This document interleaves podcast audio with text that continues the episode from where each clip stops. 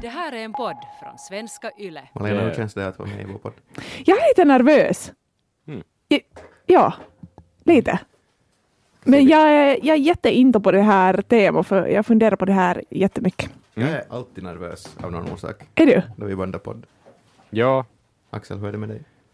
uh, nu kan jag vara. Jag brukar tendera att bli det mitt i något snack, säga sådär, vad håller jag på med?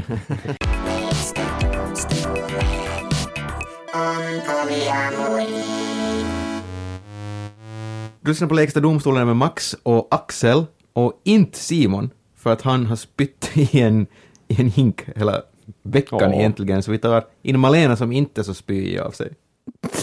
Var det här så som du intrar mig? I love it. Nej, jag ska inte spy. Malena är här eh, från Sex och sånt-podden för att vi ska tala om öppna förhållanden och det är något som har talats om jättemycket på senaste tiden. Alla Jo, jo, jo. poddar Jag visste, inte vad, jag visste inte vad det var förrän i typ september 2019, men nu känns det som att jag får ta del av info om det överallt hela tiden. Nu ringer min gäst, jag måste svara, tror jag.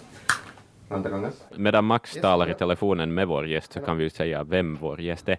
Det är alltså Linn Wilhelmsson och eh, hon lever i ett uh, polyamoröst förhållande, så hon kommer hit och snackar lite erfarenheter och, och sånt om en liten stund. Hej igen Max. Hejsan, jag är back. Um, vad är ett polyamoröst förhållande? Det är då man är kär i många. Jag skulle nog säga kanske att det handlar också om att man har ett förhållande med flera. Det är ett jättemycket bättre svar. Ja, Mm. Alltså en utagerad kärlek till Ja. många eller inte. Det är Mm. kanske en liten definitionsfråga som vi kommer att ta upp med Linn Wilhelmsson. Vad är ert förhållandestatus just nu? mitt förhållandestatus är väldigt bra. Jag är fullt singel. Fullt singel? Ja. Aha, och det, det är nice. Uh, ja, jag har äntligen kommit till kanske det stadiet där jag har insett att det här är nog, det här är nog bra just nu. Jag har varit singel i kanske ett år. Just det. Axel, är du singel? Jag är också singel, det stämmer. Jag är frånskild och singel. Eh, men ganska nöjd med det för tillfället. Det känns som att jag har eh, lärt mig att eh, leva med mig själv. Eh, sådär. Sen lever jag ju inte helt ensam heller. Jag har min dotter varannan vecka. Mm. Eh, så att då får man någon sån här eh, det fyller en sån här eh, ensamhet, kanske som man ibland kan känna. Men ja, jag tycker att jag blir stabilare i mina ensamma veckor Mm. också för varje vecka som går. Mm. Jag är ju i ett förhållande just nu och hoppas ganska länge framåt också på att jag fortfarande är i samma förhållande. Mm. Har varit i tre och ett halvt år ungefär. Skulle ni kunna tänka er att vara i ett öppet förhållande? Just nu i mitt liv, uh, ja, men jag vet inte om det har att göra med att det är någonting som jag på något vis länge har tänkt på eller någonting i den stilen, men jag tror att det är någonting som skulle passa min livsstil just nu. Sen vet jag inte vad det skulle innebära i praktiken, vilka känslor jag skulle känna. Uh, skulle det komma svartsjuka etc. in i bilden? Det, det vet jag inte. Jag kan inte svara på det. Men men på sätt och vis ser jag det lite som att det är lite bästa av båda världar. Uh, sådär. Nej, men att man liksom... ehm, man kan vara i ett förhållande, ett ganska tryggt förhållande, men ändå om man möter nice människor så är det liksom inte, behöver det inte kännas instinktivt fel att överhuvudtaget liksom ha kontakt med andra människor. Vet du, att, att Mm. man plockar bort en sån där moralisk eh, fälla på något vis ur ens syn på förhållanden. Men handlar det för dig då i så fall bara om sex eller handlar det om annat också för dig? Om, du, om vi pratar om, liksom, jag vet inte, vi kanske måste definiera också Ja, öppet förhållande för var och en. Ja. Ja, nej, men skulle det vara, alltså om jag tänker öppet förhållande så är det ju nog eh, som, i- i- det är inte bara sex, utan är det, då- är det nog något annat också. Alltså bara det att det är en, en människa man kan umgås med och tycker om och som ger en någonting sådär. Mm, ja, inte vet jag. Saker att tänka på, nya infallsvinklar på livet och sådär. Att helt nog som en, en vän, en någon att vara kär i, så att säga. Mm. I min värld är det inte så. Jag skulle säga att i min värld är det bara om sex. Just det. För annars, ja, jag vet inte. Vad är vitsen annars? Om, om man har ett öppet förhållande? Om det inte är om sex? Jag tycker alla som talar om att de har ett öppet förhållande så säger att det är nytt och spännande med lite, det friskar upp sexlivet och så vidare. Mm. Det, det låter som att det handlar bara om sex. Är inte så? No, jag tänker att man, just det där som jag sa, att man måste definiera det lite för sig själv, att om man vill ha ett öppet förhållande, så vad, vad tänker man att man får ut av det? Jag skulle kanske, liksom, var det du som sa att det är det bästa av världarna? Var det Yes, Axel som sa det? Det var ja. jag som sa det. Eh, jag tänker också att det ett, skulle vara ett av de bästa världarna om man skulle få det att fungera. Mm. Man skulle, Jag skulle kanske vilja i så fall ha det så att, inte vet jag, kanske jag är så här monogamist, kan man säga så. Så pass mycket att jag tänker att jag skulle ha en stadigvarande partner ändå. Mm. Eh, någon som så här, är beredd att satsa på mig tidsmässigt Mm. eh, och känslomässigt ganska mycket. Eh, jag är beredd att satsa på den. Jag tycker om att bo med folk. Det, det är en bra grej. Jag tycker om att dela liksom vardag och tankar ganska mycket. Men sen där på sidan om så jag tror att ganska många människor känner det att man vill ha en sån trygghet, men det finns en sån motstridighet att, att liksom man samtidigt vill ha lite spänning i livet och jag vet inte, jag, jag tror att, att man på något vis att det skulle vara en helt bra grej, att man också där på sidan om får träffa andra människor. Ehm, så att man har, liksom, så det finns en deal, att det är okej att om, om jag känner nu, känner för att träffa någon annan, också i liksom kanske både, både dejta och ha sex, tänker jag. Det skulle vara mitt öppna förhållande tror jag. Men att det Hur skulle långt finnas en ska du öppen gå i dörr. dejtande? Va- Bara så att du, är det några dejter, du lär känna den lite för att du får de här nya vindarna och sen är du klar med den personen och så går du kanske till nästa. Fast du ännu har den här stadigvarande där. Jag tror att det där dejtande liksom kanske ganska ofta skulle, skulle nog leda till Kanske, jag skulle, ja, kanske det skulle leda mest till sex, ändå i alla fall. Lite som du Max tänker också. Men att jag, för mig är det viktigt att ska jag ha sex med någon så då måste jag också känna att det är en vettig person. Ja, så därför skulle ja, jag ja, måste ja. dejta den först och sen skulle vi ha sex. Mm. Och sen tycker jag nog att skulle det vara en, en bra typ och jag skulle tycka om den så inte säger jag liksom, jag ser inget måste i att inte träffa den liksom flera gånger. Att inte behöver jag sådär att tre gånger är max som jag får träffa den här eller som min partner då skulle få träffa någon annan. Eh, utan om det är liksom nice och bra så kan man ju träffas nu och då. då det, det känns så. Men blir inte du då kär i den där andra personen också? Alltså det finns ju, no, nu finns det ju alltid en möjlighet till det. Men nu finns det en möjlighet till att bli kär i ett megamonogamt och så slutet förhållande också. Mm. Eller? Ja, men jag tänker som liksom, då är det inte ett öppet förhållande mer. Då blir du polyamorös. Om man blir kär. Ja. Om du är kär i flera. mm, Jo, men nu blir man väl kär, men det är väl vad man gör med det där att bli kär, tänker jag. Ja. Eller? Alltså att man umgås jättemycket med den personen och, och har ett ordentligt förhållande med den personen också, eller hur menar du? Ja, nu, jag tänker liksom att, äh, att man blir ju kär. Nu blir man ju liksom förtjust. Hur mycket man än är i ett, i Mm. ett äh, monogamt förhållande, så nu finns det ju en chans att man träffar trevliga människor i alla fall och blir kär Ja, på ja, något ja. plan. Men sen vad man gör med den grejen. ähm, jag tycker ofta liksom, jag värdesätter jättemycket en, liksom, som jag sa, att jag tycker om att, att dela saker, att bo med någon. ehm, sådär att på riktigt spendera tid med någon annan, då med min den stadigvarande partnern. Att, jag tror inte att det skulle vara så enkelt att i alla fall att falla för någon annan om man skulle ha, liksom, om allt skulle vara bra i det där huvudförhållandet.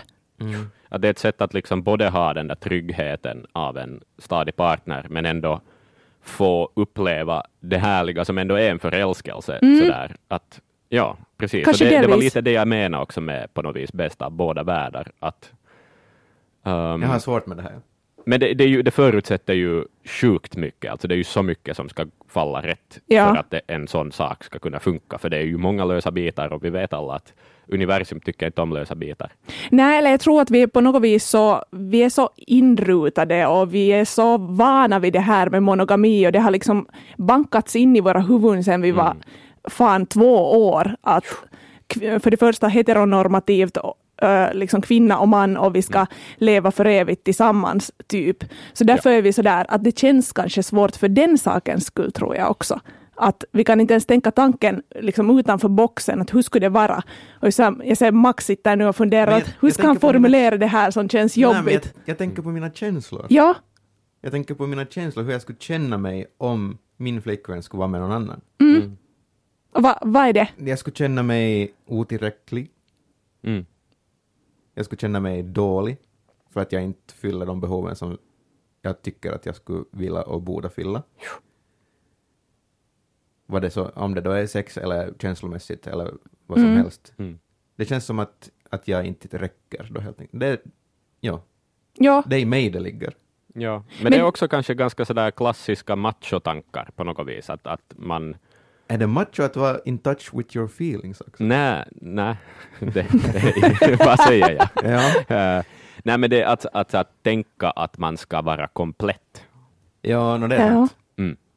men jag tror nog att det där är jättevanliga tankar. Eller, liksom att, Ja. eller vanliga rädslor. Att om, jag tänker att om det skulle bli en sån situation att någon skulle säga, eller att din flickvän skulle säga Max att hej, att tänk om vi skulle öppna upp det här förhållandet. Så att det är en väldigt vanlig liksom, tankebana att gå. Att, nej, men, att liksom först börja tänka på det där att okej, okay, men att sen första gången som hon ska vara tillsammans med någon annan, att va, liksom, vad känner jag då? Mm. Och inte tror jag heller att, liksom, jag tycker det skulle vara dumt om jag och Axel så här att om vi inte har haft, jag vet inte om Axel har haft ett öppet förhållande, jag har inte haft ett. Nej. Men att vi kan ju inte säga heller vad som skulle hända med oss, Mm.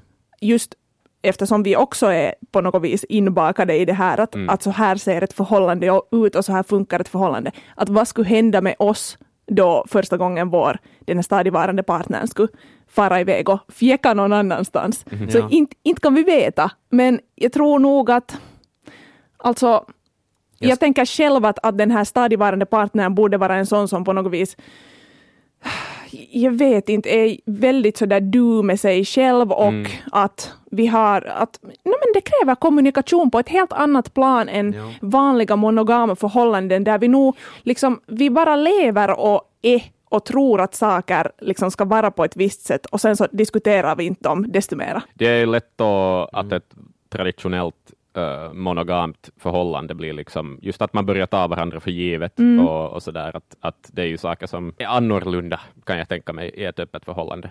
För Jag var helt säker på att jag inte skulle kunna ha ett öppet förhållande Ja, i början av den här podden och nu tänker jag det fort, jag är ännu mer, ännu mer så. Just För att ni sa att det inte kanske är bara sex. Om det skulle vara bara sex skulle jag kunna vara sådär, mm, okej, jag skulle kanske kunna förstå det lite bättre. Ja. Jag skulle inte gå med på det, men jag skulle kunna förstå det bättre. Men då det också är att man behöver ha någon annan att vara med. Mm. men nu har du ju Max också kompisar som du liksom, eller andra människoförhållanden i ditt liv där Ja, men du, jag kan ha dem som kompisar. Jag får det som... ja, jag Jag vill, jag fattar. vill inte vara kär i någon annan. Men inte betyder det ju att man är kär. Jag tänker inte heller att jag skulle bli, liksom, behöva bli kär i, i någon annan. När vi, men det här är ju just det, att definiera ditt eget liksom, öppna förhållande. Mm.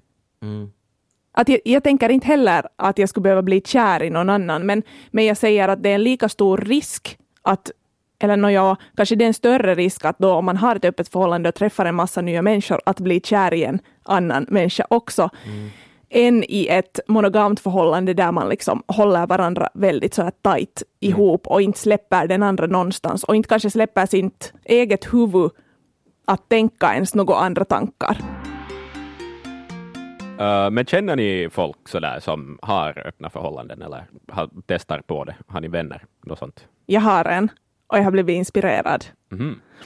Du har inte varit en deltagare i det här förhållandet? Nej, jag har inte varit en deltagare. Jag har hört att de som är öppna förhållanden, så de kanske lite försöker att inte hemskt mycket dejta eller ta med de som är i monogama förhållanden. Så därför har jag inte kanske ännu liksom, uh, varit där.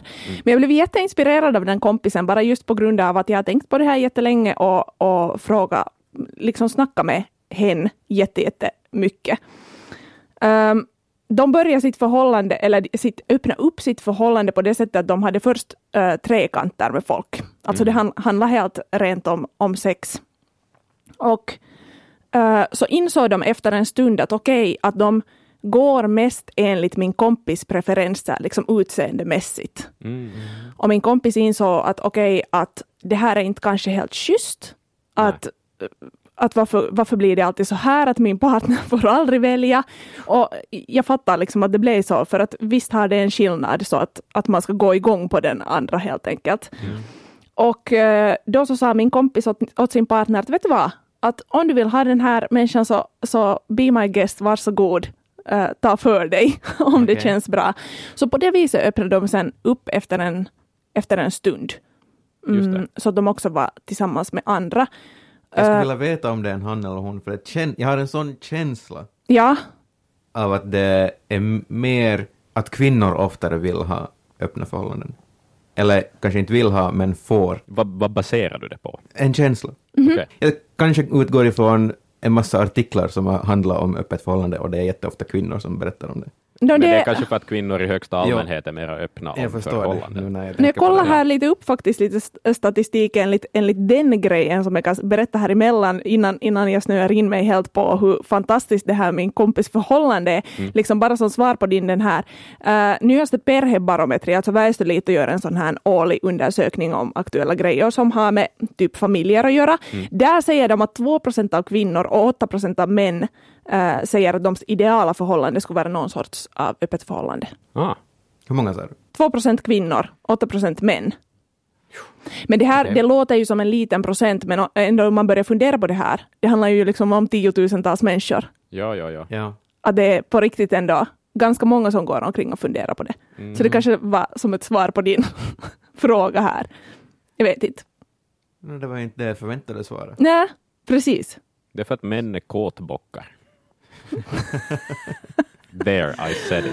Ja, jag vet inte riktigt sådär. Det fann- fanns inte så här... alla män, Axel. Nej, just Nej, det. sant. Det fanns inte något så här direkt liksom, varför det är så här, men att så här visar statistiken i alla fall, att män är mera öppna för den här grejen. Nej, men det som jag skulle vilja säga om, min, om eh, min den här kompisen, och som vi kanske inte har pratat så jätte- jättemycket om ännu, fast vi har diskuterat olika sorts förhållanden och, och varför öppet förhållande och varför inte och för och nackdelar.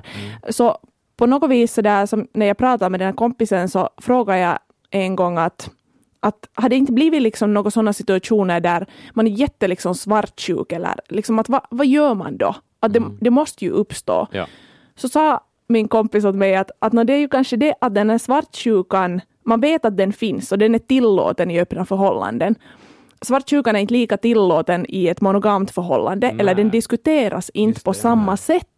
Helt sant. Äh, Det är intressant. att för att det finns så här, inom citationstecken ingen orsak i ett parförhållande att vara svartsjuk för att man ska ju inte göra något med någon annan. det får inte finnas. Ja, Nej, så att i ett, i ett öppet förhållande så blir det en, en liksom dialog kring den här svartsjukan. Då blir den liksom... Vad jobbigt Precis. att gå omkring och vara svartsjuk. Det måste vara tungt. Nej men kanske inte då när det finns en liksom öppen diskussion om den. Att då när det, och, och en Men det är öppen jobbig- Det är kommunikation. en jobbig känsla. Nej, inte. Men Inte så jobbig när man liksom... Om man är medveten om det. Ja, och om man säger det. Jag är i alla fall en sån människa att jag har alltid sagt att när jag känner mig svartsjuk Mm. så säger jag det. Och det blir mycket lättare då. definitivt. Ja, men vi kom ju ja. in på det tidigare, det där också med att även om man är i ett, ett monogamt förhållande och kanske möter en människa som man kan bli superförälskad i eller tänka på jättemycket, eller någon bara en härlig människa, så det, det finns ju en skam i det. Och det är en hemlis som man håller för sig själv på något vis. Det är i alla fall min egen erfarenhet av det. Att i ett öppet förhållande så, så behöver man kanske inte på samma sätt gå emot de där känslorna, utan man kan liksom tillåta dem och vara öppen med dem. Just nu talas det ju jättemycket om öppna förhållanden, man ser det överallt. Alla poddar talar om det och artiklar och så vidare. Är det, är det för att det är på kommande nu? Blir vi ett öppet förhållande samhälle? Vilken bra fråga. Uh, Nå, i- inte vet jag om vi blir ett, ett öppet förhållande samhälle eller alla liksom inleder öppna förhållanden, men uh, alltså det har ju hänt grejer så där historiskt sett. Jag tänker så här 70-talet, så, så då pratades det senast lika mycket, om inte ännu mer, om öppna förhållanden så här, när vi snackar sexuella revolutionen och så här. Eh, att det var så här mer modernt då att säga att, att jag äger inte min partner och, och ge den liksom mera friheter och ge sig själv mera frihet också. Sen kom det aids, hiv, epidemin och det gjorde kanske att vi blev mera, liksom trycktes tillbaka och, och blev mera, mera monogama och mera liksom Då var det inte mera OK att prata om liksom att, att knulla runt på samma sätt. Nej, Ja. precis. Så det dämpade helt enkelt lite. Mm. Men att jag tänker nog att eftersom vi just nu, just som du säger, så pratar mer om sex mer än på väldigt, väldigt länge, så helt säkert så öppnar vi upp för något sånt här äh, system. liksom annorlunda förhållandesystem. Precis. Mm. Ja, och sen sådär, ehm, jag vet inte om ni är bekanta med serien Explained på Netflix. Uh, fantastisk liten eh, dokumentärserie. De uh, gjorde ett avsnitt om uh, monogami också. Mm.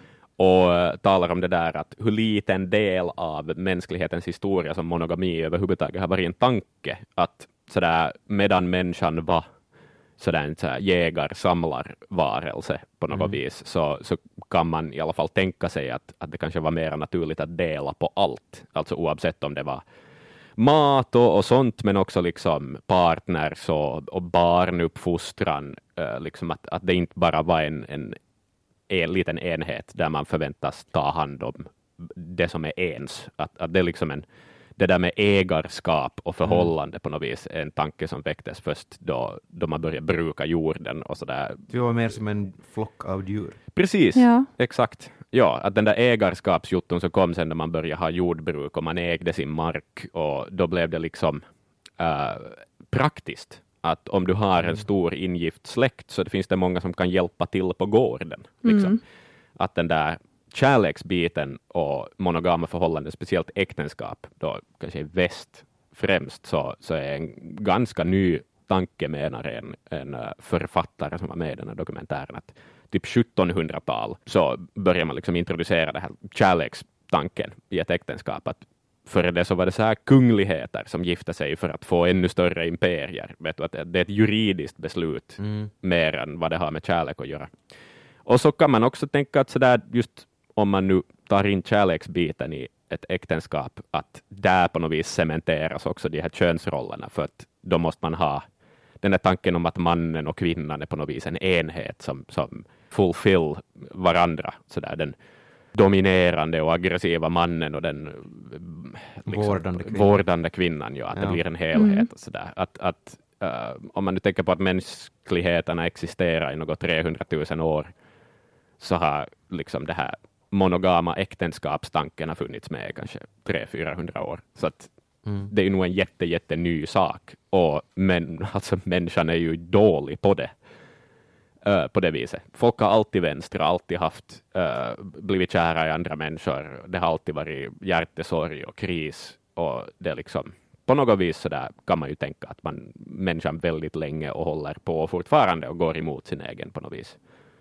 Sina egna drifter och sin egen natur och, Mm. och dömer sig själva väldigt hårt för det. Alltså, det är ju som så dajigt att tänka, säg, säg att någon har varit gift i 50 år och sen är en och vänstrar och så är liksom hela förhållandet var en lögn på något vis. Ett snedsteg. Ja. Det ett konstigt sätt att tänka på det. Det finns grunder för att det, det går som det går. Mm. Att okej, hälften, hälften av dem som gifter sig skiljer sig också. Mm. Nå, varför det?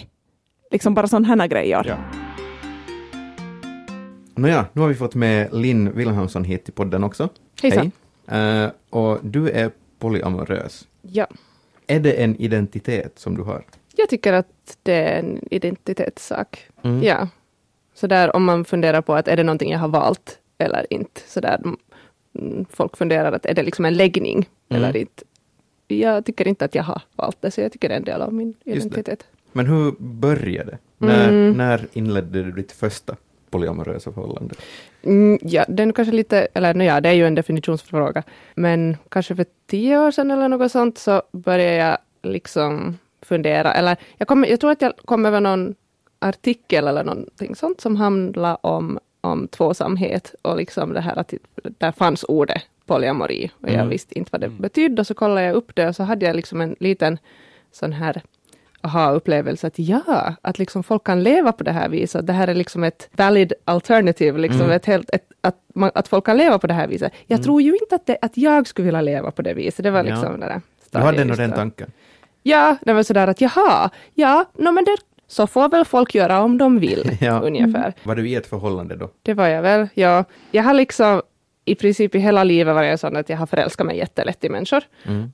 Um, och, och sen känt mig ganska sådär på något vis misslyckad, för det är som så att när man är i ett förhållande, då, då heter det att då ska man inte eh, få känslor för andra. Mm. Så jag har, tänkt, jag har tänkt länge att jag är bara dålig på att vara i förhållanden, eller Just sådär att... Att det är inte din grej, typ? Ja, typ sådär att, eller, eller liksom att, ja, det kändes som ett misslyckande att jag, att jag föll för människor medan jag var i ett förhållande, för då ska man som hålla sig till den här ena då. Mm. Och sen i något skede, så jag tror jag läste en, en jämförelse med det här att om man har många vänner, man kan ha en vän som man går på bio med och så har man eh, man kan ha långtida vänner, barndomsvänner och arbetsvänner och allt möjligt. Och, och det att man får en ny vän är ju inte bort från de andra på något vis. Just det. Ehm, och att liksom, om någon skulle säga liksom att hej, att vill du vara vän med mig och säger att nej, jag har för många vänner redan, eller jag har redan en vän. Mm. Att liksom den här jämförelsen med andra typer av förhållanden fick mig som att tänka på det här att ja, nej men att liksom varför sätter man den här begränsningen att man ska få, man får bara älska eh, eller vara attraherad av en annan person, allt annat är fel. Mm. Eh, och jag började som fundera på det här att varför gör man en, en känsla som mm, ju ursprungligen är liksom positiv, det här att man tycker om någon eller att man är attraherad av någon. Man gör det till något negativt. Mm. Eh, och det liksom, det började jag som ifrågasätta. Men det tog som då en stund innan jag mm, liksom kanske fattade att, att det var, det var någonting som jag faktiskt kunde som leva. Hur tog du upp grejen? Alltså, jag var i ett förhållande som, som tog slut. Eh, delvis för att jag hade träffat någon annan och jag... Sådär, mitt gamla förhållande höll på att ta slut sådär att liksom meningsskiljaktigheter i övrigt. Det hade ingenting med, med polyamori att göra. Men i det här nya förhållandet så konstaterar vi att ingen av oss var egentligen intresserad av att liksom vara monogama sådär rent fysiskt. Så då hade vi ett öppet förhållande. Vi kallade det för ett öppet förhållande. Liksom sådär att vi var romantiskt monogama, eller hur man nu ska kalla det. Sådär att vi, hade, vi var liksom i princip pojkvän flickvän. Eh, men sådär att vi kunde, eh, vi kunde ha sex med andra personer om vi ville. Och sådär att det var okej. Mm. Um, men jag tänkte nu i det, det skedet att jag skulle inte kunna falla liksom ordentligt. Ha, jag skulle inte kunna älska flera personer samtidigt, tänkte jag då. Eller jag gjorde inte då. Um, efter att, no, sen gick det ett antal år efter det. Jag var i ett nytt förhållande som var öppet i det skedet. Och, och sen träffade jag någon och liksom inledde ett förhållande då med den här nya personen samtidigt som jag hade liksom var tillsammans med min pojkvän. Och det var då alltså helt okej för att vi hade ett öppet förhållande och vi hade diskuterat det och kommit fram till att ja, det här är okej. Och sen så insåg jag i något skede att fan, nu älskar jag ju båda de här personerna. Att det här var ju inte, det var det så här det skulle gå. Är jag nu sån här? Ungefär. Um, Hur kändes det då du insåg det? Nå, sådär i slutändan så ledde det ju till Tänk på att... att är det ens möjligt? Ja, eller sådär, det, alltså igen var det ju det här att, att jag älskar ju någon. Det var ju inte en dålig känsla. Men jag insåg att det betyder ju att äh, det var liksom inte någonting som jag hade diskuterat med min, då, liksom, med min pojkvän som jag var tillsammans med. Att det här är antagligen inte någonting som skulle vara okej. Så vi måste ju som prata om det. Och, och liksom det förhållandet tog slut. Um, och sen i och med det, det här liksom nya förhållandet som jag då var i, så där han, eh, min dåvarande pojkvän, så han var polyamorös eh, från tidigare. Eh, och då konstaterade jag att jag tydligen är ju det då också. Det är svårt att sätta liksom fingret på saker då, då liksom att det är svårt att börja säga, vet ni, när man är i ett, ett primärt förhållande med någon så är det svårt att börja säga att när börjar jag sällskapa med den här andra personen? För det är inte Ja. sådär, uh, man kan gå från Facebook-status eller liksom någonting. Um, så. Har ni inte årsdagar? Jo, Ja. men sådär, när, vad räknar man från? Är det första dagen man träffas eller då man träffar den andras föräldrar? Tänk om man aldrig träffar den andras föräldrar? Eller då man uh, kysstes första gången eller, eller sådär. Ja. Ja. Det, på något vis känns det som att det är mer liksom clear cut om man bara har ett förhållande i taget. Ja. Mm. Hur ser ditt förhållandestatus ut just nu?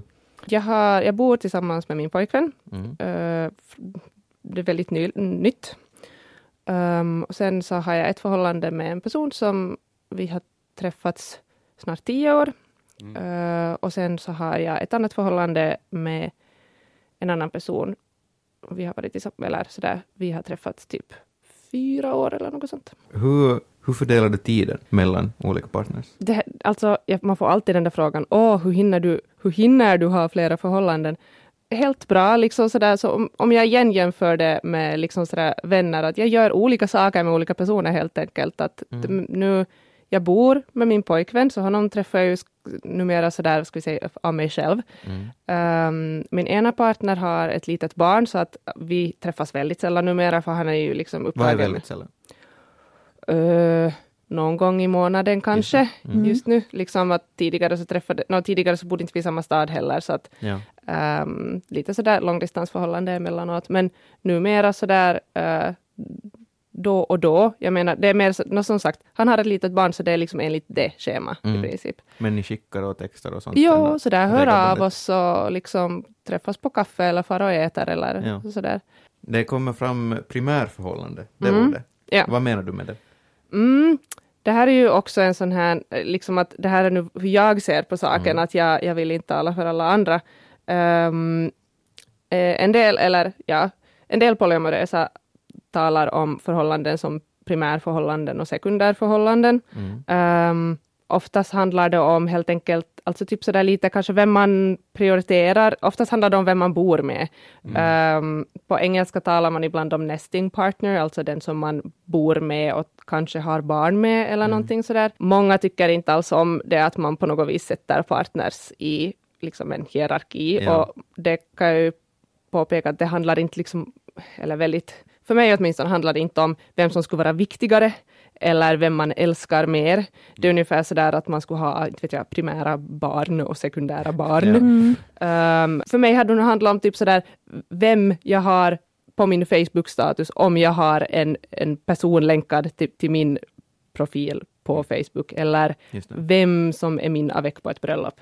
Mm. Sådär att Ja, det, det är liksom svårt att, men på, på något vis, om, om, om det handlar om kanske tidsprioritering och sånt, så den som kanske får mest tid, inte vet jag. Det är Mm. liksom, sist och slutligen handlar det ju om att man själv bestämmer eh, liksom vad olika saker betyder i ens förhållande. Du berättade att du har varit både i öppna förhållanden och nu förstås i polyamorösa Mm. förhållanden. Vad är skillnaden? Det är en till av de där filosofiska funderingarna. För Mm. mig, ehm, eller sådär, min uh, mututuntuma säger eh, liksom att öppna förhållanden handlar oftare om att man egentligen har ett monogamt förhållande, men att man, eh, har, man kan ha liksom fysiska förhållanden med andra, som, eller, eller romantiska.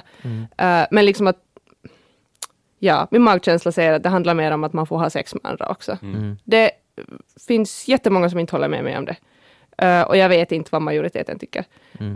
Eh, medan sen polyamori handlar kanske mer om det här att man är öppen på alla plan. Mm. Liksom sexuellt och, och emotionellt Mm. romantiskt. Jag tycker det är emotionellt är på något vis ett viktigt ord Mm. som kanske saknas enligt mig då. Jag tror att man måste definiera själv öppet förhållande Ja. på något vis, men att, Ja, att nej men sådär, Ja. alltså, det är ju hemskt vanligt att man har någon typ av regler eller då snarare överenskommelser i förhållanden. Och inom öppna förhållanden så har jag en sån här magkänsla om att det är liksom att en regel där oftast är att man inte ska förälska sig. Mm. Ehm, mm, vilket jag tycker är helt superdumt, för det bestämmer man inte. Man Nej. kan ju bestämma hur man agerar eh, och hur man liksom Ja, hur man agerar på känslor, men hur man känner, det kan man inte bestämma. Så det är helt jättelöjlig regel. tycker jag. ja. Men det, det är där jag tänkt, det är det som jag tänkt på då vi, vi talade, om, talade om det tidigare, att det är ett öppet förhållande tills man blir kär i den andra. Då tycker jag, blir det inte polyamori då? Ja, fast om... beror på vad man gör med det. ja, Ja. polyamori eh, är ju en typ av etisk uh, icke-monogami. Och ifall man har en regel om att man inte ska förälska sig, oavsett om man kan följa det eller inte. Eller liksom, om man har en sån regel, om man inte följer det, då är det, inte, då är det ju inte etiskt, för då bryter man en regel som man har med sin partner. Sant. Jag har en sån här lite konstig fråga här. Mm. Uh, Rikka Suominen, om du känner till henne. Jag känner till namnet, ja. Hon har skrivit en bok som heter Suhteellisen vapaata, som har blivit en jättestor snackis nu här på sista tiden för att Mm. den just har kommit ut. Eh, så hon sa i en annan podd att folk som lever i öppna förhållanden är lite mer så här på sätt och vis casual då. Eh, medan då folk som lever i polyamorösa förhållanden är mer aktiva på ett annat sätt, att man vill ha, kanske inte rättigheter att gifta sig med flera människor, men att man ska ta, förhållandet ska tas på samma nivå av allvar som monogama förhållanden i, i samhället. Liksom hennes poäng var att polyamorösa människor är lite mer politiska av sig än öppna, Mm. öppet förhållande människor. Ja. Vad tycker du om det? Så där spontant skulle jag säga att ja, det stämmer nog. Jag känner ju att jag ofta har liksom ett behov av att på något vis bekräfta att liksom ja, jag har också andra förhållanden och det är inte bara mina ligg. Liksom Mm, att, att det är liksom viktiga förhållanden, personer som jag älskar och liksom en sån här stor fördom är ju att, att polyamorösa personer är bara personer som vill ha mycket sex och ligga runt. Det som jag har funderat kring, jag har ju måste, i och med att vi bandar in det här avsnittet, så har jag måste hela veckan egentligen fundera på om jag skulle kunna vara i ett öppet förhållande, det har jag nu primärt uh, valt att fokusera på. Jag kan inte komma ifrån att jag mår nästan fysiskt illa och blir ledsen av att tänka på min flickvän som är med någon annan. Mm. Har, du, har, har du haft den känslan också? Har du Ja. jobbat bort den? Nej, alltså det inte det är ju som att, att polyamorösa personer är mindre svartsjuka Mm. Per se. Jag har fått gjort, göra jättemycket liksom sån här, liksom bearbeta saker i min, mig själv, liksom att fundera att ja, att nu, nu känner jag så här och blir jag liksom att varför, varför, varför känner jag varf- varför känner jag den här äckelkänslan nu av, att, av att whatever. Eh, Inte, inte har jag bara positiva känslor av att min eh, partner eller mina partners eh, träffar andra människor. Men jag har ju kommit fram till att det att de är lyckliga med andra är inte bort från mig på något vis.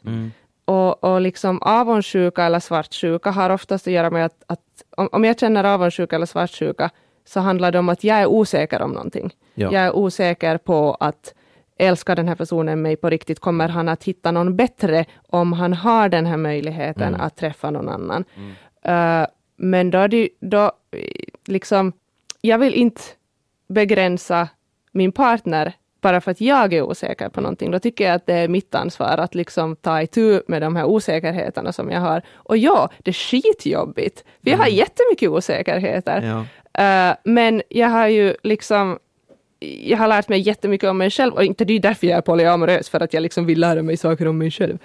Men, men liksom sådär att, att jag vill, ja, jag faller för andra människor, jag älskar andra människor. Då vill jag ju förstås, och det känns jättebra att få leva på det viset, då vill jag ju det för min partner också. Inte betyder det bara liksom eh, kärlek och rosor och att jag liksom alltid är jätteglad då han sitter i långa telefonsamtal. Om jag då är ute efter ett förhållande, eh, så är det ju på något vis, det är mycket som ska klaffa. Jag vill gärna ha någon som har delar samma intressen, kanske lite samma människotyp, eh, som är spännande och intressant, liksom massa, massa lådor som ska fyllas av den här människan. Men att, skulle du säga att du är mindre petig? Nej, Alltså att- verkligen inte. Det är du jag är jävligt kranto när det kommer till människor. Just det.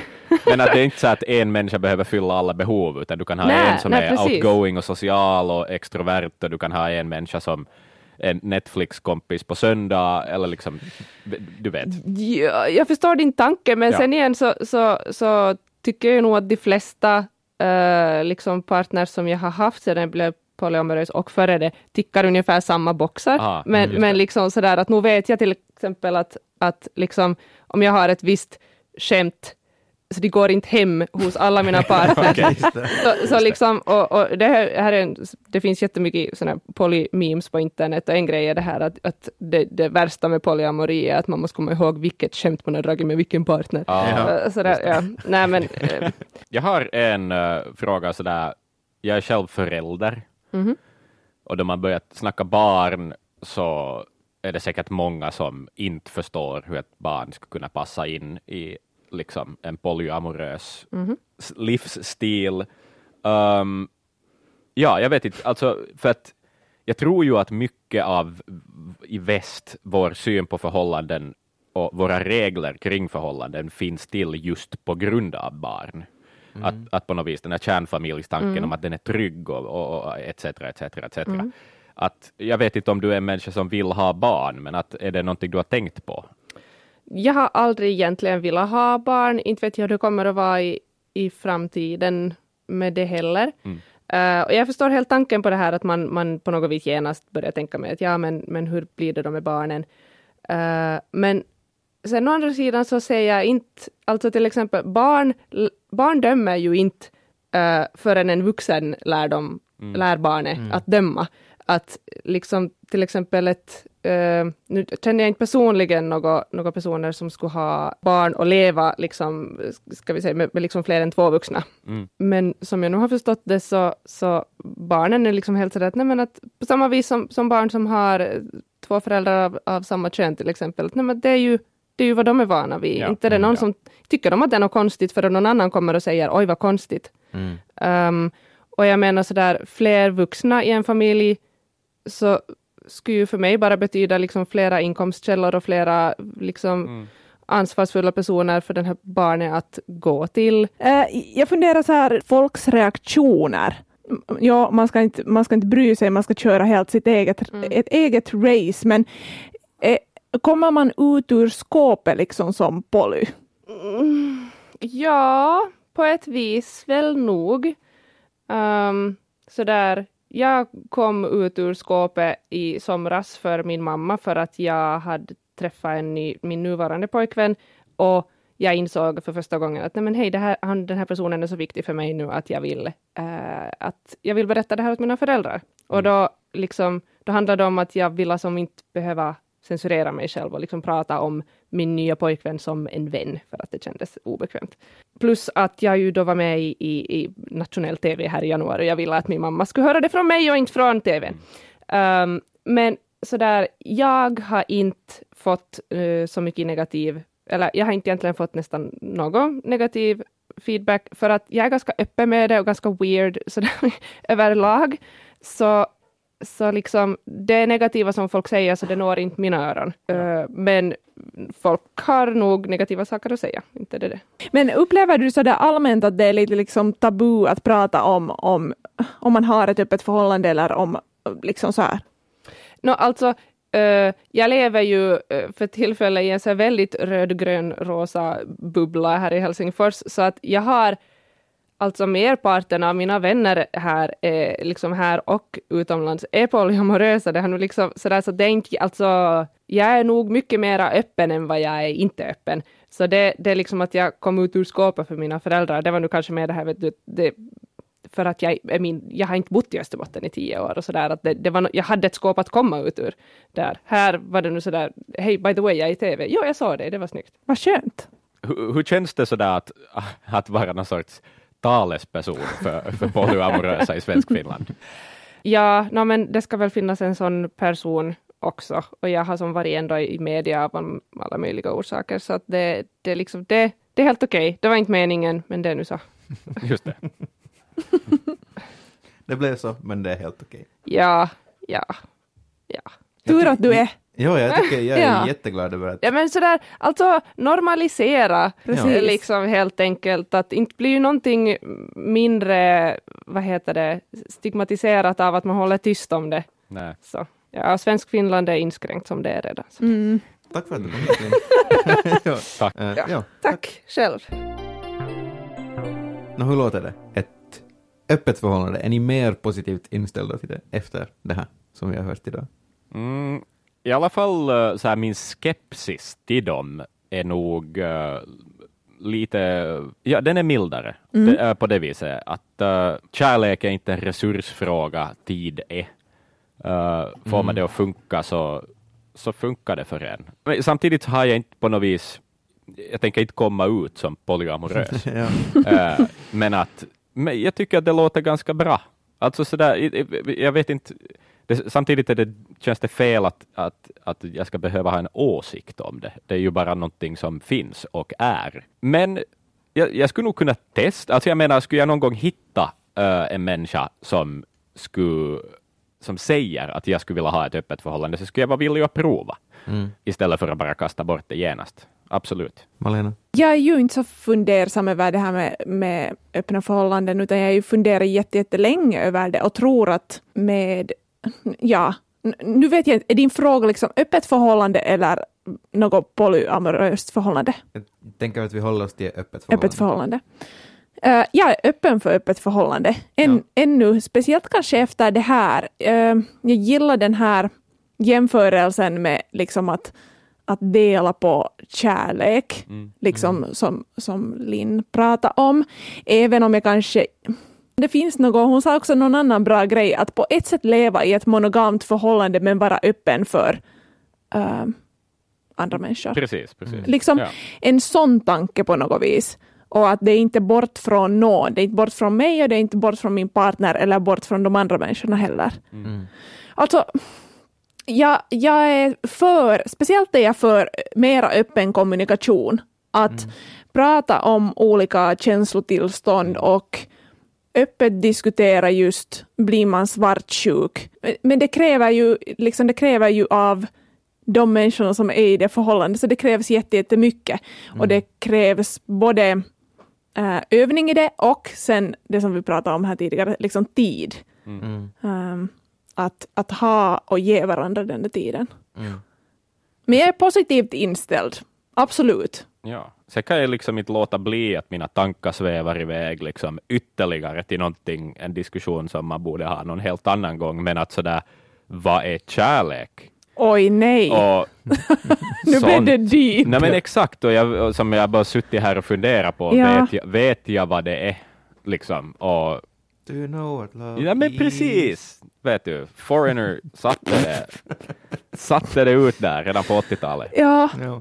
Jag tycker att vi har insett det i alla fall, att vi är lite hjärntvättade. Ja. Uh, som med många andra saker också. ja, eller man ska, ta, man ska veta vad Mm. kärlek är för att det är tydligen så viktigt om man ska hitta en partner och man ska, vägen är, är liksom utritad redan före man har börjat ta första stegen och sådär. Men det är nog snåriga grejer. Jag tror att jag inte byggt för ett öppet förhållande. Varför tänker du det? Jag är för kritisk på mig själv. Så jag Mm. skulle inte kunna komma över de där känslorna av att jag är inte tillräcklig. Ja, Det går inte. jag förstår. Det är omöjligt tror jag. Ja. Om jag. Först måste jag komma över många andra grejer, som till exempel att faktiskt vara okej med att dela med mig av min flickvän. Mm. Mm. Men jag, tycker, jag tror att det där är liksom, det där är den största hjärntvätten som har gjorts oss, att vi på något vis ska, vi ska vara bara med den där ena och på något vis, det är fult att säga det, men på ett sätt äga den andra i alla fall. Liksom i alla ja, fall Ja, äga, eh, Ja, det är lite så. liksom kroppsligt i alla fall äga. en ensam rätt. Ja. liksom, handlar det ju nog om ändå. Mm. Ja. Ja. fast det, det, nej, det är inte ens det kroppsliga. Är det inte? Det är det emotionella mest. kanske. Alltså det här har jag tänkt Båda, på. men ja, också emotionellt Ja. är det en stor grej. jag måste säga en sak som jag funderar på, att om jag skulle ha ett öppet förhållande, Ja. en sån här linje som jag skulle vilja dra helt klart. Ehm, om man nu skulle få sådär knasa med andra, så skulle jag vilja vara den som man håller nära. Mm. Att de där, om min partner skulle ha andra ehm, som den skulle knulla runt med, så här inom citationstecken då, Mm. så skulle jag vilja liksom dra en gräns där att det är inte så jättemycket sådant att, att sen så sover man så här lilla skeden och stora skeden. Mm. Att sånt skulle höra liksom till det här så att säga primärförhållande. Ja. Eh, för det ser jag som en sån där, även om det är fysiskt, som en sån där emotionell del. Ja, ja, att det är en sån här trygghet Ja. på något vis. Ett, ett hem på något vis. Ja. Liksom. ja jag Ge- förstår. Jag håller med om det och nu faktiskt, jag kan säga, jag skulle kunna gå med på det här. Mm. Om det skulle finnas garantier, 100% garanti över att jag också, men att inte min flickvän blir kär i den andra. Mm. Så då skulle jag kanske kunna gå med på det. Mm. Men det, det finns inte de här garantierna. Är det, handlar det allra mest om det att du är jävligt rädd för att förlora henne? Ja. Mm. Mm. Och det finns ju något, liksom, på ett sätt så finns det något jättefint i det. Men sen igen, okej nu pratar vi öppna förhållanden, men det är polyförhållanden, så jag jag funderar på något vis att där kanske det inte, det finns inte en sån liksom rädsla för det på det sättet. Mm. Vilket är ganska fint. Jag tror inte heller att jag skulle vara, vi göra skönt? Ja. skönt ja, på något vis. ja, att ingenting är bort från dig eller någon annan heller. Tack Malena för att du var Simon idag. Tack, det har varit så fint att vara Simon. Vanligtvis brukar du vara Malena i Sex och sånt-podden. Mm. Hur, hur går det? Och är det bra? Hör du, det går jättebra. Jag är jättemycket mer högljudd. Ja. Jag har liksom lugnat ner mig med er två. Det har varit så här ganska zen-mode här i den här studion. Eh, det är kanske mera hetsiga diskussioner. Mhm. Mera skrik om kuk och fitta. Mm. Just det, vi har inte, vi har inte sagt kuk eller fitta. Nej. Nej, jag tror inte inte en behövt. enda gång. Nej. Nej. Ja. Vad är senaste avsnittet? Senaste avsnittet handlar om kukstorlek. Att kukstorleken har en betydelse. Det hävdar vi.